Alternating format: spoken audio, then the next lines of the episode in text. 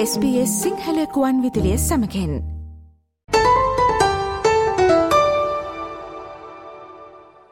මානසික පීඩාවන්ට පත් වූවන්ට හදිසි සේවා දෙපාර්තමේන්තුව මගින් උපකාර කිරීමට ඇති හැකියාව නැතිවෙමින් යන බව ඔස්ට්‍රලයානු වෛද්‍ය සංගමය පවසනවා. ඒ අනුව මානසික සෞඛ්‍ය ප්‍රතිකාර සඳහා වන ඉල්ලුම සපුරාලීමට රජයේ රෝහල්වලට උපකාර කිරීම සඳහා හදිසි මැදිහත්වීමක් ලබා දෙන ලෙස ඔස්ට්‍රලියාවේ ඉහළතම වෛද්‍ය ආයතනය විසින් ඉල්ලා සිටිනවා. SBS සිංහල ගුවන් විදුලියාද දවසේ ඔබ වෙත ගෙනන කාලින තොරතුරු විශේෂාන්ගෙන් මේ පිළිබඳව වැඩිතුර තොරතුරු ඔබ වෙත ගෙනීමට අප සූදානම්. ඔස්ට්‍රලයානුවන් පස් දෙනෙකුගෙන් එක් අයෙකුට මානසික සෞඛ්‍ය සහය අවශ්‍ය බව මෑතකාලීන වාර්තා මගින් හෙළි වනවා. ඒ අනුව මානසික පීඩාවෙන් පෙළෙලායට උපකාර කිරීම සඳහා හදිසි ප්‍රතිකාරාංශවල ධාරිතාව වැඩි කිරීම වෙනුවට එක් පුද්ගලයෙක් සඳහා වෙන් කර ඇති රෝහල් ඇඳන් සංඛ්‍යාව අඩුවමින් පවතින බව ඔස්ට්‍රලයානු වෛද්‍ය සංගමේ නව මහජන සෞඛ්‍ය පද්ධති වාර්තාවෙන් පෙන්වා දෙනවා. නමුත් රජේ රෝහල් පවසන්නේ මානසික සෞඛ්‍ය පද්ධතියක් පවත්වා ගැනීමට අවශ්‍ය බර ඔවුන් විසින් දරා සිටින බවයි.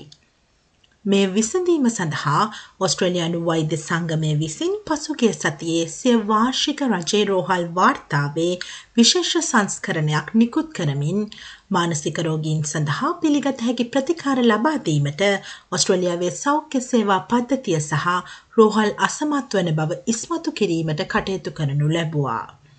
ඔස්ට්‍රලයානු වෛද්‍ය සංගමයෙහි හදිසි වෛද්‍යංශයේ නියෝජිත වෛද්‍ය සේරා වයිට්ලෝ පවසන්නේ මෙහි ගැටලු ගණනාවක් පවතින බවයි. හදිසි ප්‍රතිකාර අංශවෙත පැමිණෙන රෝගීන් සංඛ්‍යාවේ වැඩිවීමක් අපි දකිනවා. ඔවුන් වඩා දරුණු ලෙස රෝගාතුරව සිටින අතරම ඔවුන්ගෙන් වැඩි ප්‍රමාණයක් ගිලන් රථ මගිනුයි රෝහලට පැමිණෙන්නේ. ඔවුන්ගෙන් වැඩි දෙනෙකුට ප්‍රතිකාර සඳහා රෝහලට ඇතුළත්වීමට අවශ්‍ය බව අපට පෙනී ගියත් මානසික රෝගීන් සඳහා විශේෂිත රෝහල් නැදන් අවශ්‍ය තරම් රෝහල්වල නැහැ. යනුවෙන් සේරා වයිට්ලෝ කියා සිටියා. What uh, we're seeing in the emergency department is an increasing number of patients presenting to emergency departments. We're also seeing that they're more severely unwell. More of them are coming by ambulance, and more of them are needing admission to specialised mental health beds that simply aren't there. පසුගිය වසර විස්ස තුළ මානසික සෞඛ්‍ය ප්‍රතිකාර සඳහා රෝහල් වෙත පැමිණෙන රෝගීන් දෙගුණ වී ඇති නමුත් රෝගීන්ට ප්‍රතිකාර කිරීම සඳහා රෝහල්වල සම්පත් අඩුවමින් පවතින බව වෛද්‍ය වයිට්ලෝ විසින් පැහැදිලි කරනු ලැබවා. මානසික රෝගයකින් ඇදහිය නොහැකි තරම් අසනීප වූ රෝගියෙකු හදිසි ප්‍රතිකාරංශයට ඇතුළත් කරවීම සඳහා රැන්දී සිටිය යුතු කාලය පැය ගණන් වල සිට දිනගණන් දක්වා දිගුවනවා නම් එයට අර්බුදයක් යැයි කියනවා මිස වෙන කියන්නට දෙයක් නැති බවයි ඇය පවසන්නේ. Imagining what it's like for a patient who's incredibly unwell from their mental illness, now that those wait times in the emergency department for admission are stretching out from hours to days and days, it's impossible to call it anything other than a crisis. පසුගිය වසර තිහ තුළ මානසික රෝගීන් සඳහා වෙන් වූ රජේ රෝහල් ඇඳන් සංඛ්‍යාව ලක්ෂයකට විසිහතයි දශම පහ දක්වා පහත වැටී තිබෙනවා. හදිසි සේවා දෙපාර්තුමේන්තුව වෙත පැමිණෙන අයකෙන් අඩකට වඩා ගිලන් රථයෙන් පැමිණෙන අතර මානසිකාබාධ සහිත රෝගීන් ප්‍රතිකාර සඳහා රැඳී සිටීමේ සාමාන්‍ය කාලය මේ වන විට පැය දහනමයකට වඩා වැඩි වනවා.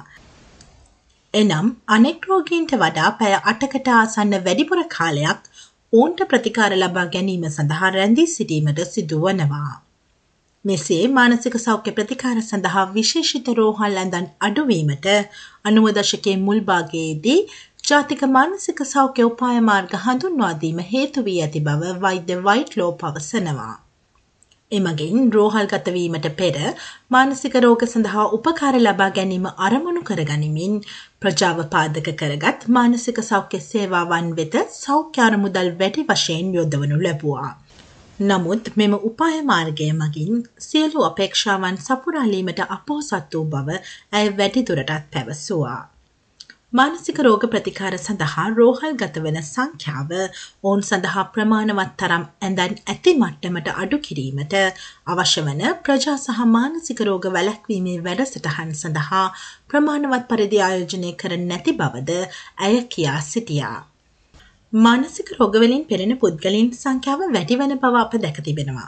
ඇත්ත වශයෙන්ම උග්‍ර මානසික සෞඛ්‍ය සත්කාර සහ උග්‍ර මානසික සෞඛ්‍ය ප්‍රතිකාර සඳහා රෝහල්ගතවීම අවශ්‍ය වන සැබවින්ම සැලකිය යුතු මානසික රෝග ඇති පුද්ගලින්ගේ සංඛ්‍යාව වැඩි වෙමිනුයි පවතින්නේ. යනුවෙන් වෛද්‍ය වයිට්ලෝ වැඩිදුරටත් කියා සිටියා. Unfortunately, we haven't invested what we needed to in community and preventative care to actually decrease the number of people needing admissions to the point where we had enough beds for them. We've also seen an increasing number of uh, people having mental illness and an increasing number of people having really significant mental illness that does, in fact, need acute mental health care and acute mental health admission. රජයේ රෝහල් අරමුදල් ආකෘතියේ සැලකිය යුතු ප්‍රතිසංස්කරණයක් සිදු කිරීමට සහ එම පිරිවැයෙන් සයට පණහක් federal ආණ්ඩුව විසින් දැරීමට ඉල්ලීම් ලැබෙමින් පවතිනවා. සංස්කෘතික වශයෙන් ආරක්ෂිත වූ මානසික සෞඛ්‍ය ශ්‍රම බලකායක් ගොඩ නැගීම ඇතුළු අවශ්‍ය ක්ෂේත්‍රවල ශනික මානසික සෞඛ්‍ය ප්‍රතිසංස්කරණ ඇති කිරීම සඳහා රජය ජාතික මානසික සෞඛ්‍ය සහ සියදිවි නසා ගැනීම් වැලැක්වීමේ ගිවිසුම හරහා සියලුම ප්‍රාන්ත හා ටෙරිටරි සමග එක්ව කටයුතු කරන බව සෞඛ්‍ය අමාත්‍යවරයාගේ කාර්යාලය පවසනවා. ඔස්ට්‍රේලියාවේ නවතම ප්‍රෝටි සහ කාලීන තොරතුරු රැගත් අපගේ ගුවන් විදුලි විශෂාංගවලට සවන් දෙන්න www.sbs.com.au සිංහල යන අපගේ වෙබ් අඩවිය ඉහළ තීරුවේ ඇති මාතෘකා යන කොටස කලික් කොට කාලීන ලෙස නම් කොට ඇති වෙබ් පිටුවට පිවිසන්න. SBS? SBS. SBS. SBS. SBS. SBS Radio. මේ වගේ තවත්තොරතුරු දැනගන්න කැමතිද. එහමනම් Apple podcast Google podcast Spotify ඔබගේ පොඩ්කාස්ට ලබාගන්න ඕනෑම මාතයකින් අපට සවන්දය හැකේ.